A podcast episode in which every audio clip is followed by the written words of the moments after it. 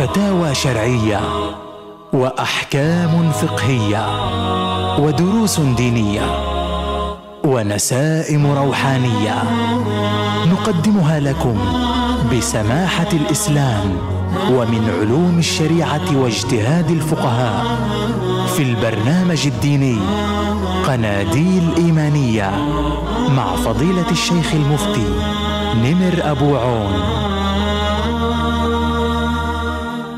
أعوذ بالله من الشيطان الرجيم. بسم الله الرحمن الرحيم. الحمد لله رب العالمين والصلاة والسلام على سيدنا محمد وعلى آله وصحبه الغر الميامين. يا ربي سلم وصل وبارك على عبدك ورسولك محمد وعلى آله وصحبه ومن تبعهم بإحسان إلى يوم الدين. اللهم آمين. أيها الإخوة الأحباب مستمعو راديو الشباب أهلا وسهلا بكم جميعا.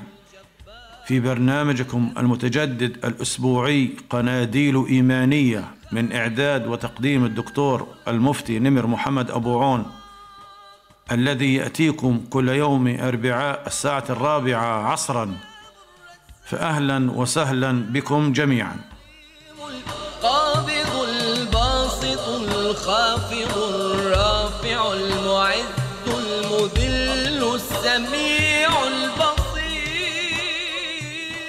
البصير أيها الإخوة الأحباب جاء الإسلام بمنهاج تشريعي وهداية للبشرية لينقلهم من الظلمات إلى النور.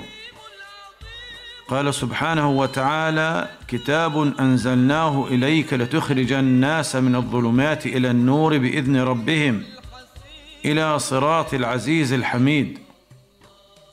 وقد كان من هذا المنهاج أحكام تضبط علاقات الناس بعضهم ببعض وتدلهم على وظيفتهم في هذه الحياة وهي عبادة الله تعالى وإعمار الأرض.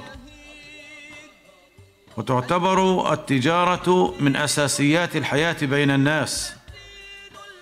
وأحل الله البيع وحرم الربا. ولقد سئل رسول الله صلى الله عليه وسلم أي الكسب أطيب؟ فقال عمل الرجل عمل الرجل بيده وكل بيع مبرور. والتجارة في الإسلام تقوم على مجموعة من الضوابط الشرعية. منها الحلال والطيبات والتراضي والتيسير والعدل والأمانة والمصداقية والشفافية. والقناعة والوفاء بالعهود والعقود. وأن تكون هذه التجارة خالية من الغش والاحتكار والخداع والتدليس والغرور والغبن والربا والتطفيف والكذب والسحت وكل صور أكل أموال الناس بالباطل.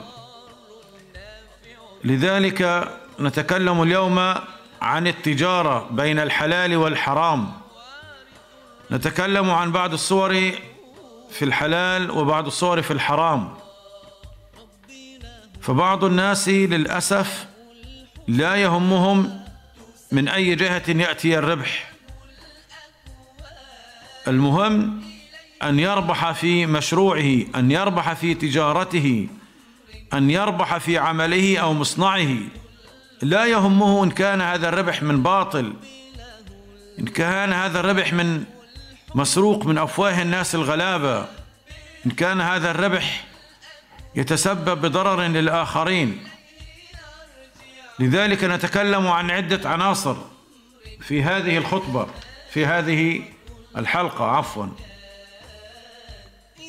منها التجارة وفضلها. وأخلاقيات التجارة وكذلك التجارة الإلكترونية وأحكامها لأن بعض الناس يسألون دوما عن هذا نوع من التجارة وهو نوع حديث. نتكلم عن فضل التجارة في البداية. التجارة باختصار هي تقليب ودوران المال بعوض لغرض تحقيق الربح. وأحل الله البيع وحرم الربا. والسعي في كسب الرزق والاستغناء عن الناس حث عليه الشارع الكريم. فقد قال الله تعالى في محمك في محكم التنزيل هو الذي جعل لكم الأرض ذلولا فامشوا في مناكبها وكلوا من رزقه وإليه النشور أي لطلب الرزق والمكاسب. هذه سورة الملك. سورة تبارك الآية رقم 15 وكذلك قال سبحانه وتعالى في سورة الجمعة الآية العاشرة فإذا قضيت الصلاة فانتشروا في الأرض وابتغوا من فضل الله واذكروا الله كثيرا لعلكم تفلحون. قال البغوي في في تفسيره معالم السنن أي إذا فرغ من الصلاة فانتشروا في الأرض للتجارة والتصرف في حوائجكم. وابتغوا من فضل الله يعني الرزق وهذا أمر إباحة. وكذلك قرن سبحانه وتعالى في كتابه العزيز الضاربين في الأرض للتجارة بالمجاهدين في سبيله. فقال في سورة المزمل آية رقم عشرين. وآخرون يضربون في الأرض يبتغون من فضل الله. وآخرون يقاتلون في سبيل الله. قال البغوي يعني المسافرين للتجارة يطلبون من رزق الله. وآخرون يقاتلون في سبيل الله. لا يطيقون قيام الليل. وعن ابن مسعود رضي الله عنه قال أيما رجل جلب شيئا ما إلى مدينة من مدائن المسلمين صابرا محتسبا فباعه بسعر يومه كان عند الله بمنزلة الشهداء. أي هذا فيه فضل للتجارة وتشجيع للناس على أن يأتوا بالبضاعه من الخارج. من خارج لا المقصود فقط الدولة إنما من خارج هذا السوق أو من خارج هذه البلدة.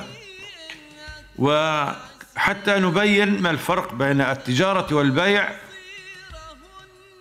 فالتجارة هي جلب البضائع من بعيد. شخص مثلا مستورد يستورد من الصين يستورد من هنا من هناك من مصر من أي بلد يستورد مثلا عبر المعابر هذا يسمى تاجر. لكن البائع هو الذي يبيع في محله أو على البسطة أو في السوق. فالتاجر هو الذي يجلب البضاعة من بعيد لكن التاجر البائع هو الذي يبيعها. وربما يكون التاجر هو نفسه بائع فيبيع ما يجلبه أو ما يستورده. لكن أحيانا أو غالبا يكون هو تاجر جملة فقط لا يبيع في السوق.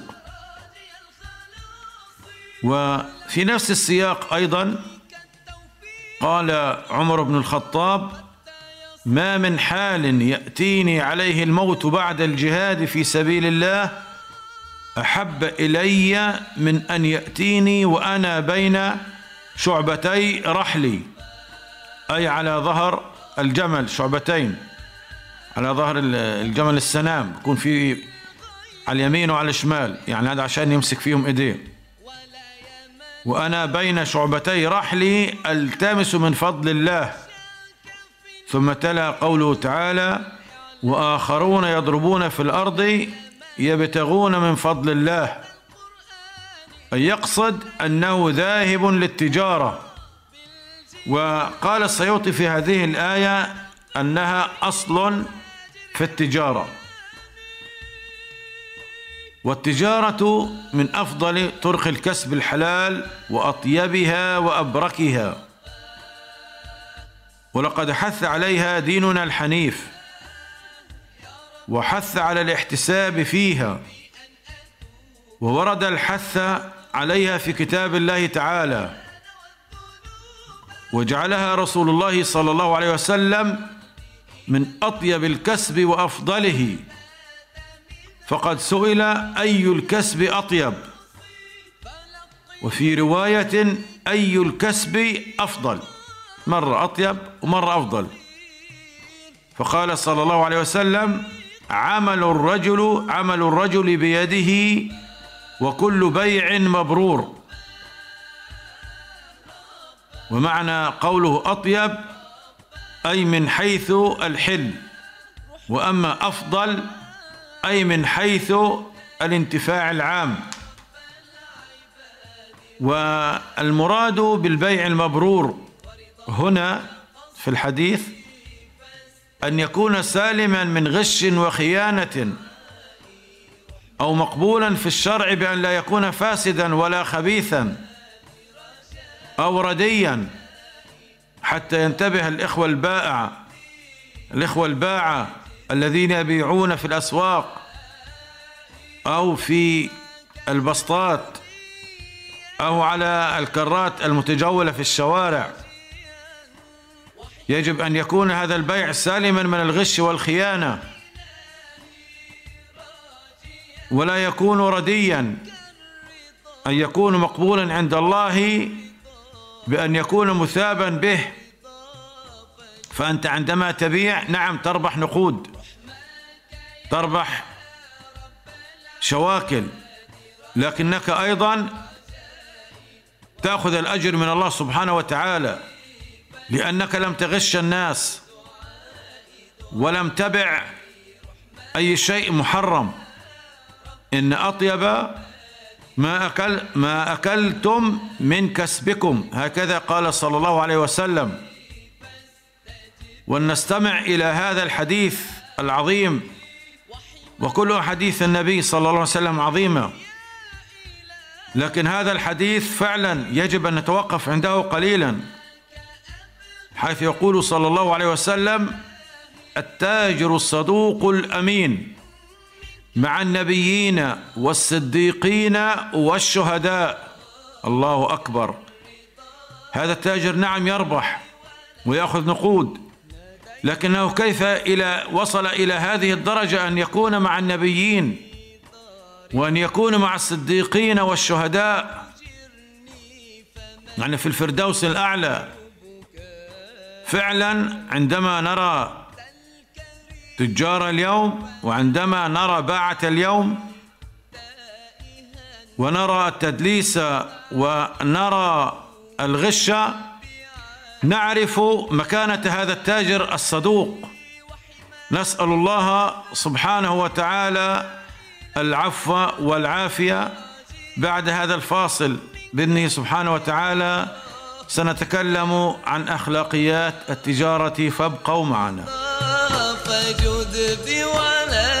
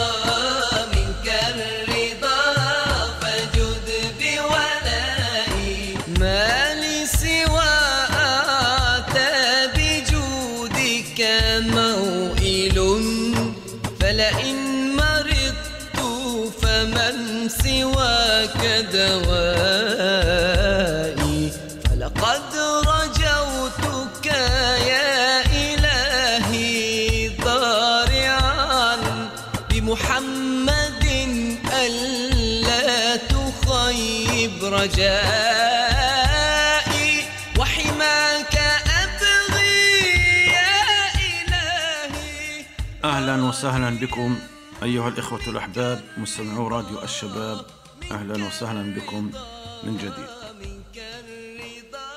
كل مهنة أحبابنا الكرام لها أخلاقيات. حتى هذه الأخلاقيات للعلم تدرس في الجامعات. مساق مستقل. مثلا الطبيب يدرس أخلاقيات مهنة الطب. وكذلك أخلاقيات المدرس المدرس.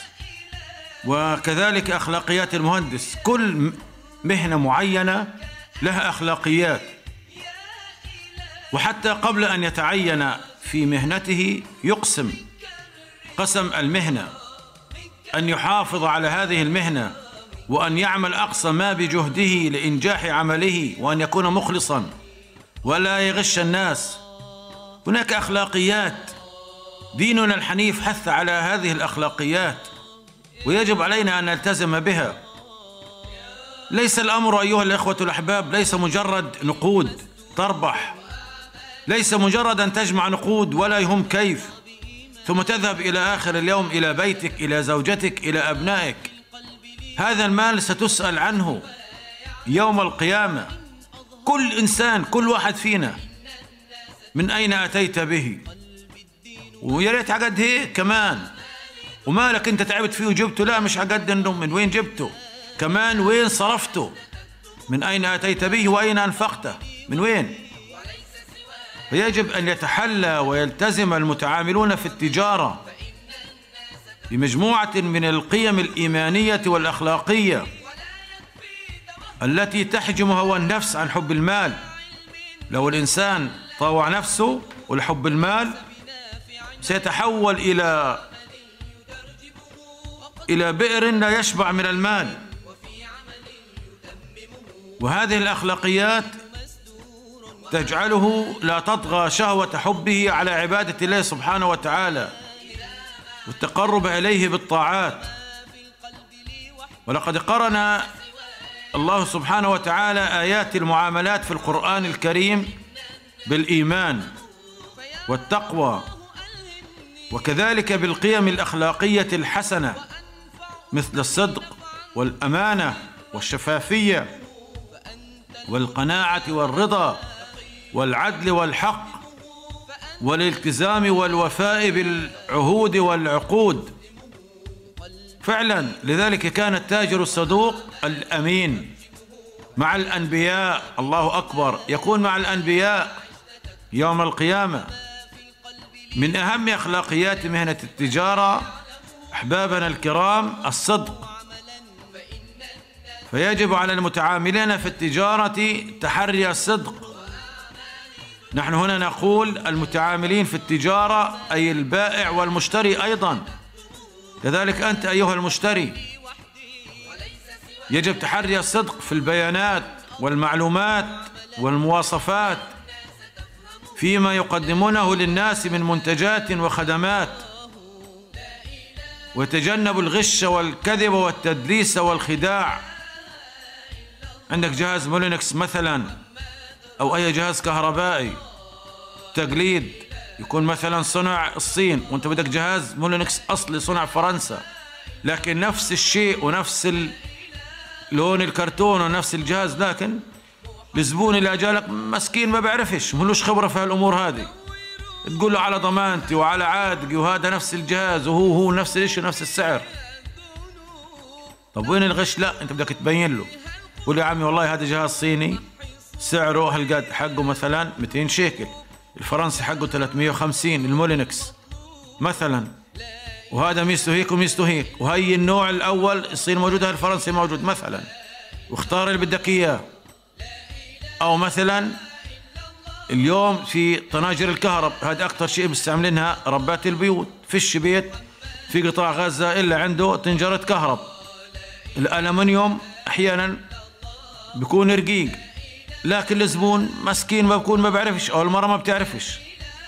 بروح واحد ببيع طنجرة الكهرب مثلا ب 100 شيكل الأصلية الكويسة. بروح محل تاني نفس الشكل ونفس الشيء ب 70 فتقول والله هذاك ببيع ب 100 لا أنت أرخص وأنت يعني أفضل. وأنا حبيت أجي أشتري منك. كان بقول إحنا بكفينا إحنا بكفينا نربح خمسة شيكل. وهو بكون ربحان 20 لكن بقولهاش إنه سمك الالومنيوم خفيف جدا. يا دوب نص ملي أو ملي. بينما الالومنيوم اللي هناك بكون مليون ونص مثلا. بتحمل الضربات وبتحمل الصدمات. وهي بتستاهل فعلا ال 100 شيكل. هذه مجرد أمثلة. كذلك أيضا برابيش المية برابيش الكهرب. في برابيش مية ما بتحمل ضغط بركبوه السباكين بعد مدة بصير يهرب مية بصير حتى يهرب مية من تحت البلاط من تحت الكراميكا طب وش استفاد صاحب البيت؟ فبدك أنت تبين له تقول له هذا سعره هيك وهذا سعره هيك. ممكن يعني ينخرج هذا البربيش من أقل حصوة تضغط عليه. فأنت مش هدفك بس مجرد تأخذ المصاري لا بدك تبين تحري الصدق. اسمع ربنا سبحانه وتعالى شو بقول يا أيها الذين آمنوا اتقوا الله وكونوا مع الصادقين. الله أكبر. وكونوا مع الصادقين. وكذلك رسول الله صلى الله عليه وسلم يقول البيعان البيعان بالخيار ما لم يتفرقا. البيعان بالخيار ما لم يتفرقا فإن صدقا وبينا بورك لهما. يعني التاجر ال- البائع والمشتري. بالخيار يعني طالما ما تفرقوش وهم لسه في المحل أو على البسطه بسموه مجلس العقد. يعني واقفين لسه حتى لو هذا اشترى واعطى له المصاري وهذاك لما مثلا اعطى له البضاعه وحطها في كيس ولكن هم ما زالوا في نفس المحل واقفين. أو على البسطة أو مثلا في السيارة واقفين هذا اسمه مجلس العقد يعني مكان البيع والشراء اسمه مجلس العقد.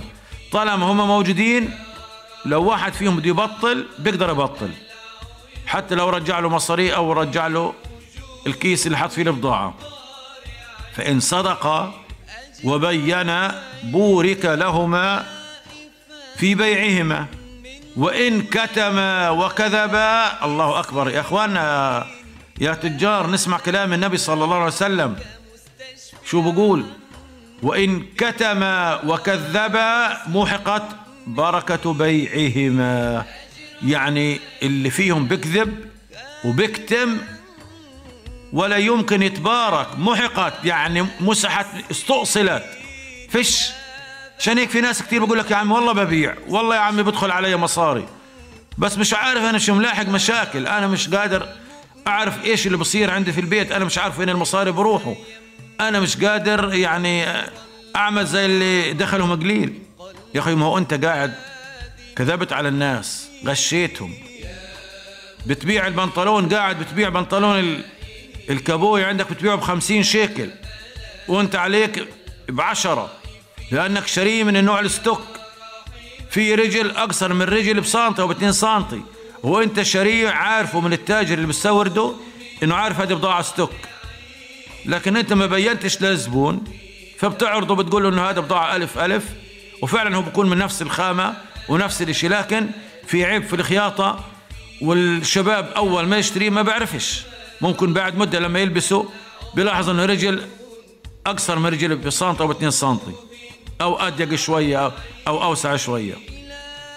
فأنت محقة البركة. بدك تبين له قول والله هذا دير بالك. هذا نوعه بيختلف. هذا رجل أقصر من رجل ب 2 سم وأنا عشان هيك ببيعه ب 30 شيكل أو ب 40 حب لك تختار حب. ما حب لكش أنت حر؟ بين له. فإن صدق وبين النبي بيقول لك لازم تبين إيش نوع البضاعة. يا راجل هو الناس جايبين المصاري هذول؟ ببلاش طب ما هو تعبانين ودافعين دم قلبهم. وخاصة في رمضان وفي الأعياد.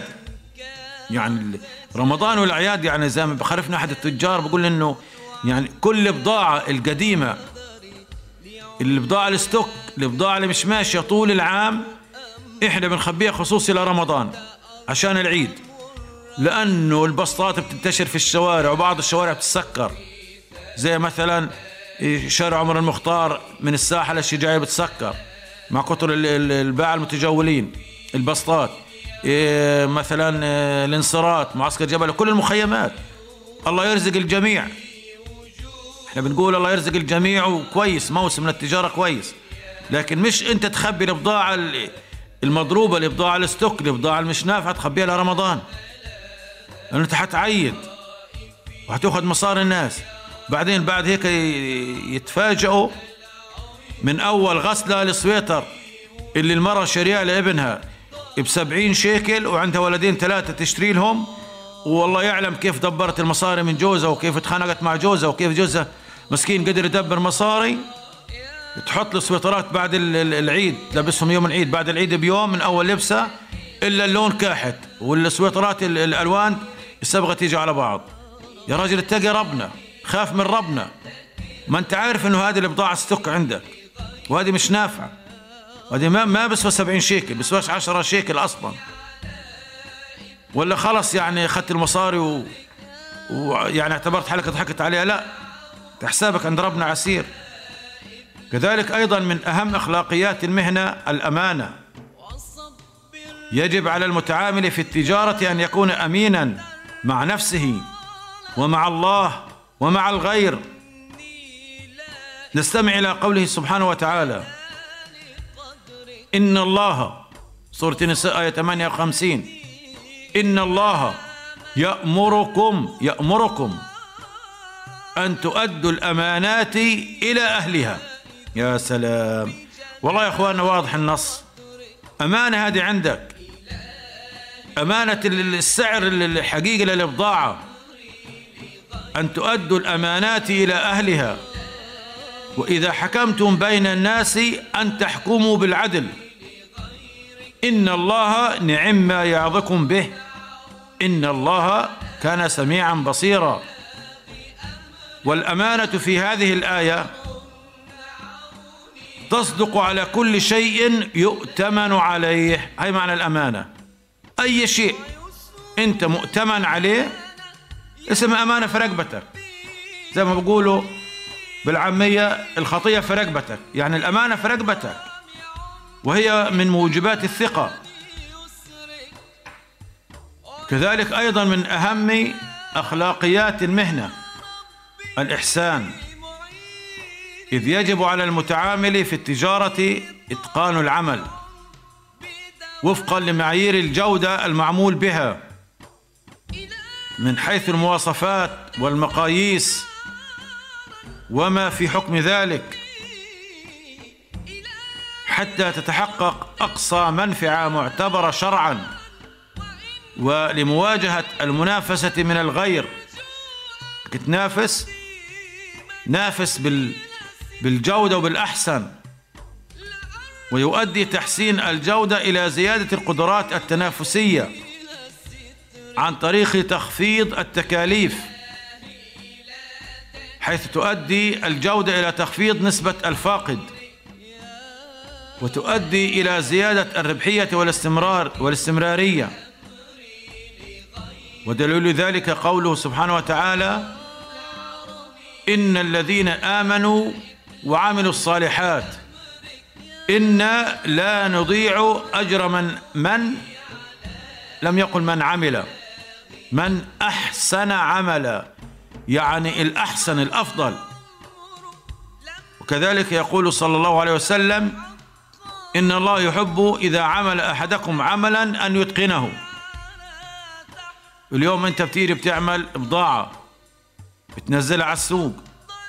طبعا ما بدناش نضرب أمثال عن انواع البضاعه حتى ما ما نشهر بأصحاب البضاعه لكن هذا معروف بتجيب صنف معين بتنزله. وزن تكتب عليه مثلا وزن كيلو. تمام تكتب ألف جرام. بتكون أنت يعني في بالك شيء معين. تكتب ألف جرام بالإنجليزي.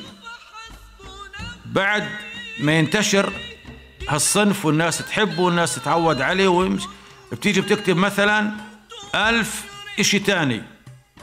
بدل ما تكتب ألف جرام تكتب إشي ألف تاني.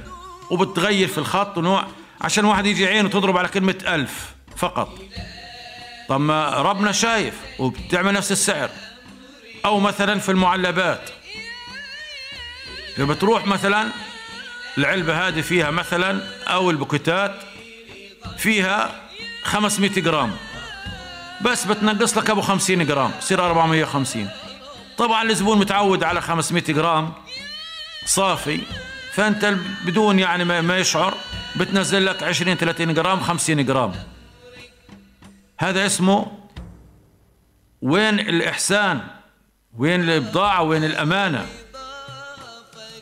نسأل الله سبحانه وتعالى العفو والعافية.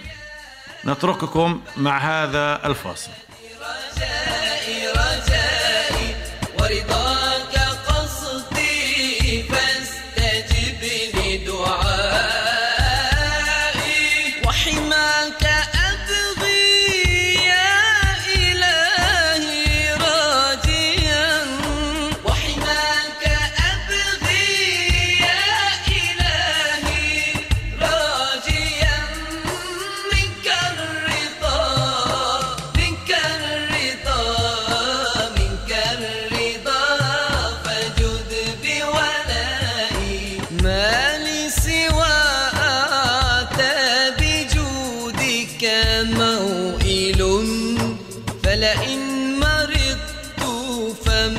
سواك دوائي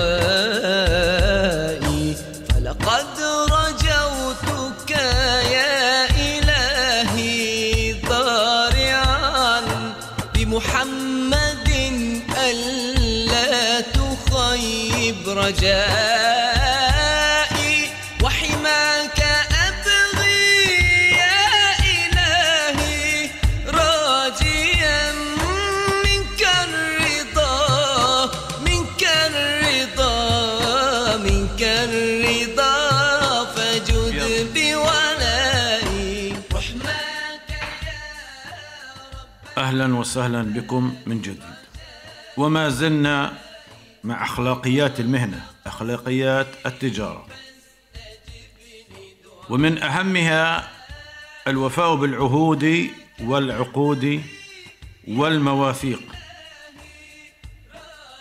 يجب على المتعامل بالتجارة الالتزام بالوفاء لأن ذلك من موجبات استقرار المعاملات ودليل ذلك قوله سبحانه وتعالى في سورة النحل الآية رقم 91 وأوفوا بعهد الله إذا عاهدتم. إخوان هذه النصوص القرآنية يجب أن تسري فينا مسرى الدماء في العروق. وأوفوا بعهد الله إذا عاهدتم. ولا تنقضوا الأيمان بعد توكيدها. وقد جعلتم الله عليكم كفيلا.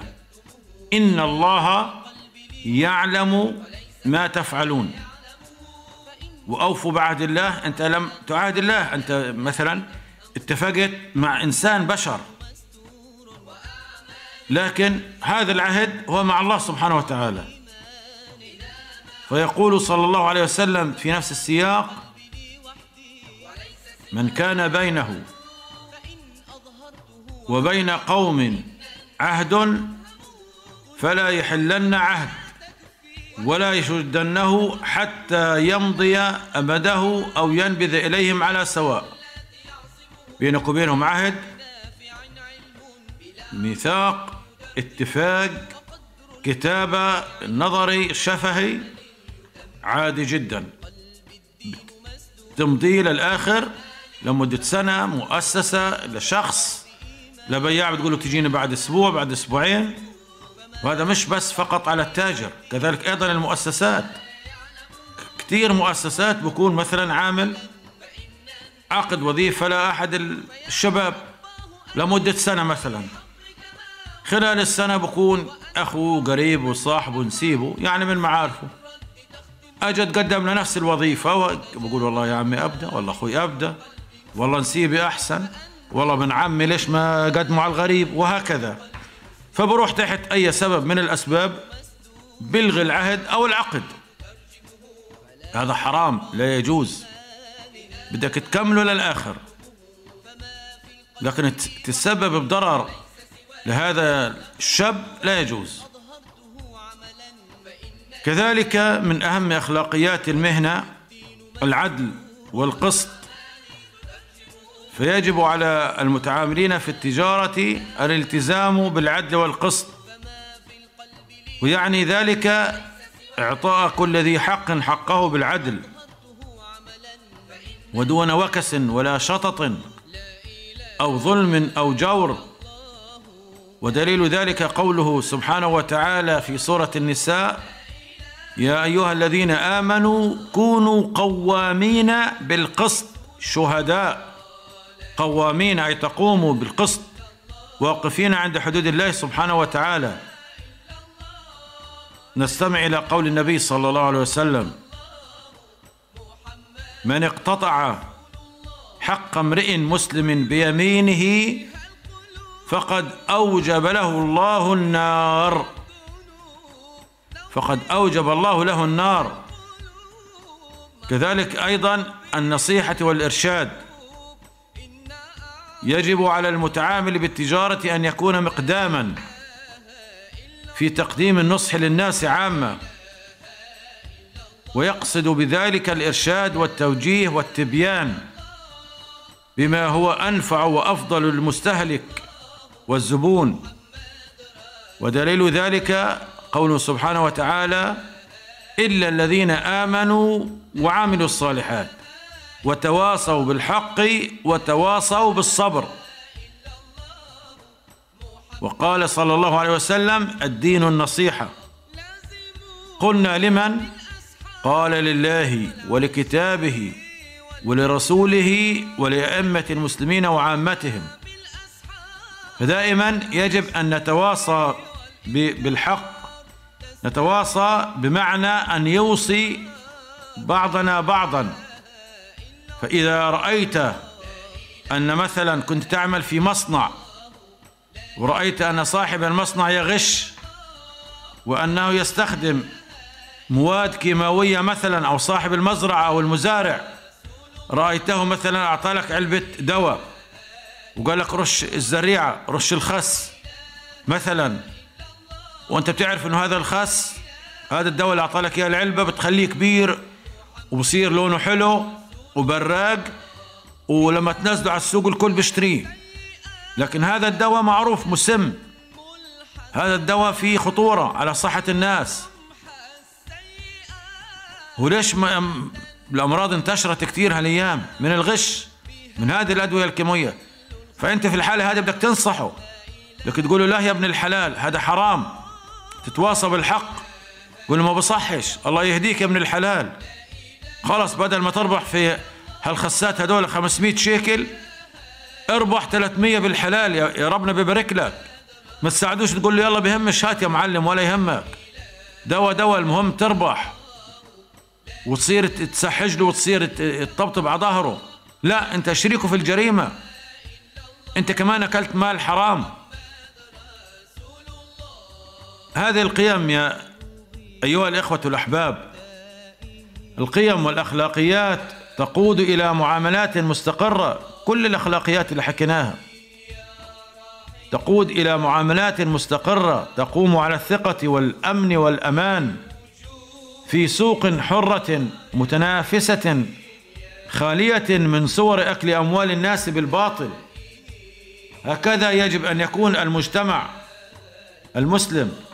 هكذا يجب أن نكون جميعا عنوان للتنافس الشريف التنافس الحر. أما الآن كما وعدناكم في أول هذه الحلقة سنتكلم في هذا العنصر الثالث عن التجارة الإلكترونية وأحكامها. اليوم عن طريق النت انتشرت التجارة الإلكترونية وهي عمليات البيع والشراء. وتبادل المنتجات والخدمات والمعلومات وما في حكم ذلك مما ينفع الناس. من خلال أساليب تقنيه تقنية المعلومات وشبكات الاتصالات الإلكترونية وأجهزة المحمول المتقدمة نحو ذلك من أساليب الإلكترونيات. طبعا هذه لم تكن قديما. من أهم معالم التجارة الإلكترونية ما يأتي.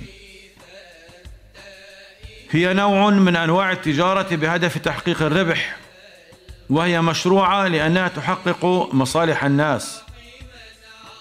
يتمثل مجال التجارة في المنتجات والخدمات والمعلومات. منتجات أو خدمات خدمات مثلا زي مكاتب الحج والعمرة مكاتب السفر. ال- ال- المحامين الجامعات تقدم خدمات هذه ال- المكاتب اللي بتسجل مثلا طلاب تلحقهم في الجامعات. مكاتب مثلا ال- التاكسيات السيارات كل هذه مكاتب خدمات تسمى أو معلومات والمعارف والمعارف التي يحتاجها الناس. كل هذه التجارة الإلكترونية تقوم التجارة الإلكترونية بصفة عامة على الأخلاق الحسنة أيضا. يحكم التجارة الإلكترونية فقه المعاملات المالية. في الإسلام عندنا قسم كبير اسمه فقه المعاملات المالية. وما بصح يعني نقول والله هذه التجارة حديثة والفقه يعني ملوش لزوم أو قديم. الفقه والشرع الإسلامي ينفع في كل زمان ومكان. وإذا تكلمنا عن منافع التجارة الإلكترونية فهي تدخل بصفة عامة في مقصد تحقيق مصالح العباد وهي كسب المال الحلال الطيب ليعين الإنسان على عبادة الله وحفظ النفس والعقل والمال.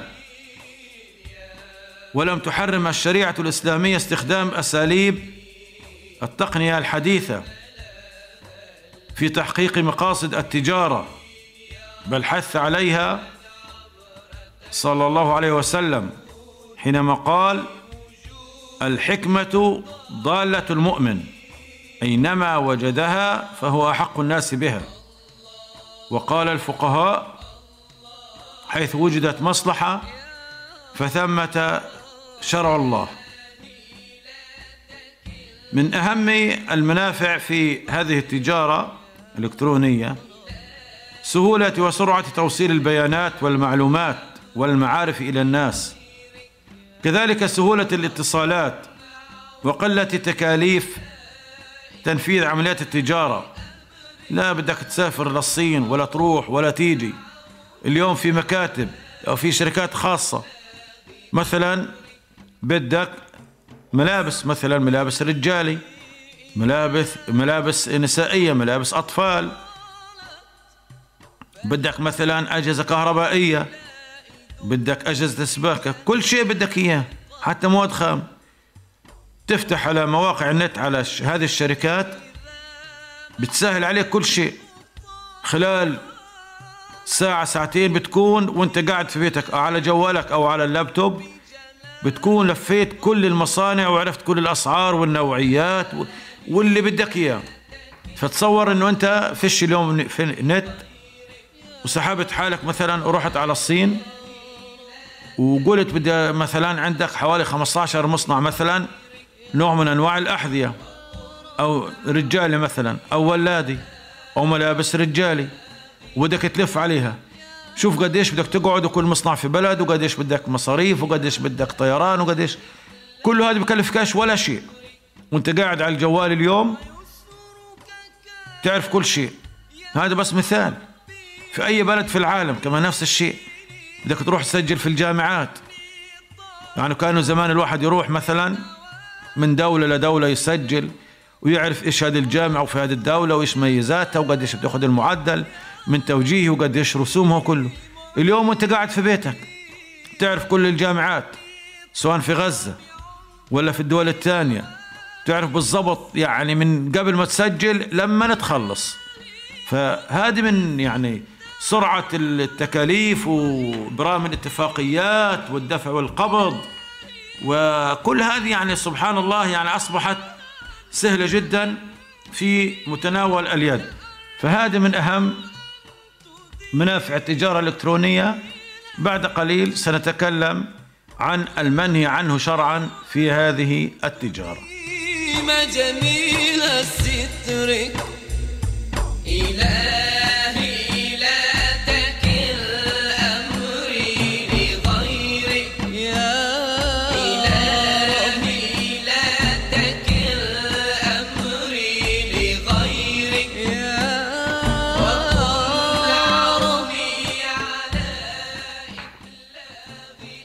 المنهي عنه في التجارة بصفة عامة هي نفسها المنهي عنها في التجارة الإلكترونية. مثلا الربا. معنى الربا مبادلة مال بمال وزيادة دون وساطة سلعة وخدمة اليوم للأسف الشديد يعني الربا لو جيت سألت الناس عن الربا الكل بيقول لك حرام. ما حدش بيقول حلال. وأحل الله البيع وحرم الربا. ولا في بنك ولا في مؤسسة ولا في أي شيء أو شخص أو أي إنسان يقول لك والله الربا حلال. حرام.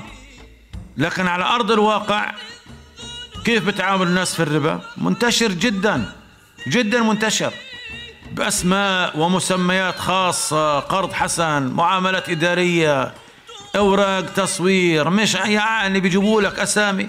في بعض البنوك بيقول لك كان تسهيلات أو تيسيرات أو معاملات إدارية. يعني بيخلقوا لك أسماء ومسميات ما أنزل الله بها من سلطان. لكن هي في حقيقتها ربا ونص خمسة. هي في حقيقة إيش الربا؟ كل قرض جر زيادة فهو ربا باختصار. كان رحت لمؤسسة بقول لك إحنا يا عمي وهذه منتشرة للأسف الشديد وبنبه الناس إلها. كان يقول لك يا عمي إحنا بناخدش ربا أعوذ بالله لا بناخدش ربا. طب يا عمي أنا عندي مشروع صغير هيك وبدي أعمل لي يعني بسطة و أو حاجة هيك يعني بسيطة هيك بدي يعني بحتاج آه 3000 دولار. كان بقول لك يا عمي وماله إحنا بنعطي لك 3000 دولار. هذا قرض حسن. بترجع لنا إياه 3000 دولار. طيب تمام والله. أنت بتتشجع وتقول مية المية بعد ما تخلص الاتفاق كل حاجة بس بقول لك بس دير بالك. أو بتروح مثلا على الكاتب الثاني ويقول لك يلا روح أمضي الوراق.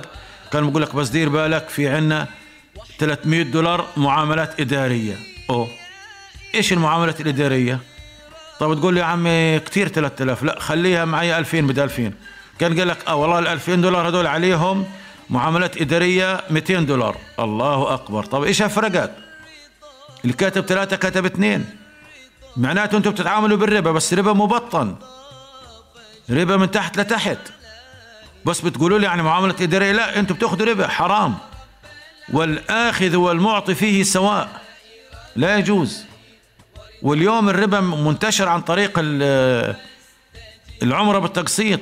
اخوانا إحنا يعني بنبين الحكم الشرعي لا يجوز. بدك أنت تعمل عمرة بالتقسيط وبزيد المصاري مباشرة. بننبه الناس لأنه الفتاوى يعني تنهال عننا في هذا الجانب والمكاتب تسجل. حتى نبين. وإحنا قلنا في هذا البرنامج دائما بنواكب الفتاوى. يجوز العمرة بالتقسيط مباشرة بين المعتمر وصاحب الشركة الأصلية مباشرة لكن لا يجوز أن يكون عن طريق البنك أو مستثمر آخر أو شريك لهذه الشركة. يعني بيجي بيقول لك يا عمي مع الشركة بس بروح هو بيجيب مستثمر وبكتب العقد معاه إيش دور المستثمر أو البنك أو شريك الشركة هذه بسموه. هو وسيط. إيش دوره؟ إنه بدفع المصاري عن هذا المعتمر مباشرة للشركة. مثلا قول 1200 دولار. 1200 دينار بدفع مباشرة. بعدين بصير هذا المعتمر بالتقسيط بصد 1000 مثلا 1400 دينار لهذا الوسيط أو هذه الشركة أو هذا المستثمر أو هذا البنك. هذا حرام حرام حرام. وأنت رايح عند الكعبة ورايح تخفف عن ذنوبك ورايح تستشعر بالعبادة فمش ناقصك حرام وسيبك من هالكلام.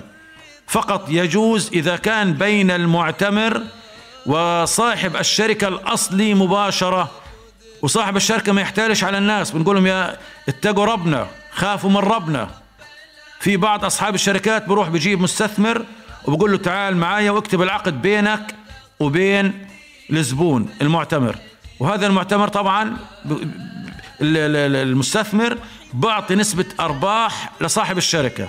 هذا حرام لأنه بدفع عنه مباشرة 1200 دينار لصاحب الشركة وباخذ منه 200 دينار ربح. فلا يجوز الوساطة في معاملة ال- القرض الحسن مباشرة بينك أو عفوا مش القرض الحسن ال- المعاملة بدها تكون في البيع بالتقسيط ما بين البائع والمشتري مباشرة. ما بين المعتمر وصاحب الشركة مباشرة. كذلك أيضا الرشوة معناها إعطاء مال أو هدايا إلى العمال أو الموظفين للحصول على كسب غير مشروع أو الاعتداء على حقوق الغير. أنت عارف موظف وعارف هذه التجارة إلكترونية وعارف إنه تجارة بتروح وبتيجي فأنت بتروح إيش بتعمل؟ بتشوفه موظف واحد غلبان واحد كذا بتتلعب في المصطلحات بتتلعب في الأرقام. خذ لك ال 200 دينار 300 دينار بس غير لي الرقم الفاتورة هذه. بدل المبلغ اللي أنا مستورده مثلا 30 ألف خليه 10000 بدل كذا كذا. فهذا يعني اسمه تلاعب. ولا تأكلوا أموالكم بينكم بالباطل وتدلوا بها إلى الحكام. لتأكلوا فريقا من أموال الناس بالإثم وأنتم تعلمون. أو تقولوا والله هذه البضاعة مستوردة وتاريخها مخلص أو فيها مواد محرمة.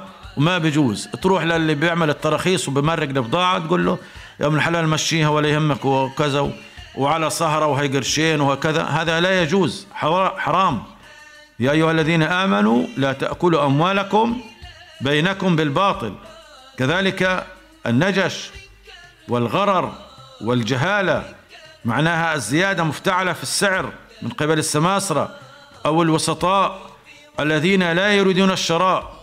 وذلك بمواطأة البائع لإخداع الت- للخداع والتغرير بالمشتري مثلا بروح على سوق السيارات. كثير بصير هذا الغش والنجش فنسأل الله سبحانه وتعالى أن يكون رزقنا ورزقكم بالحلال. وآخر دعوانا أن الحمد لله رب العالمين. فإن أظهرته عملا فإن الناس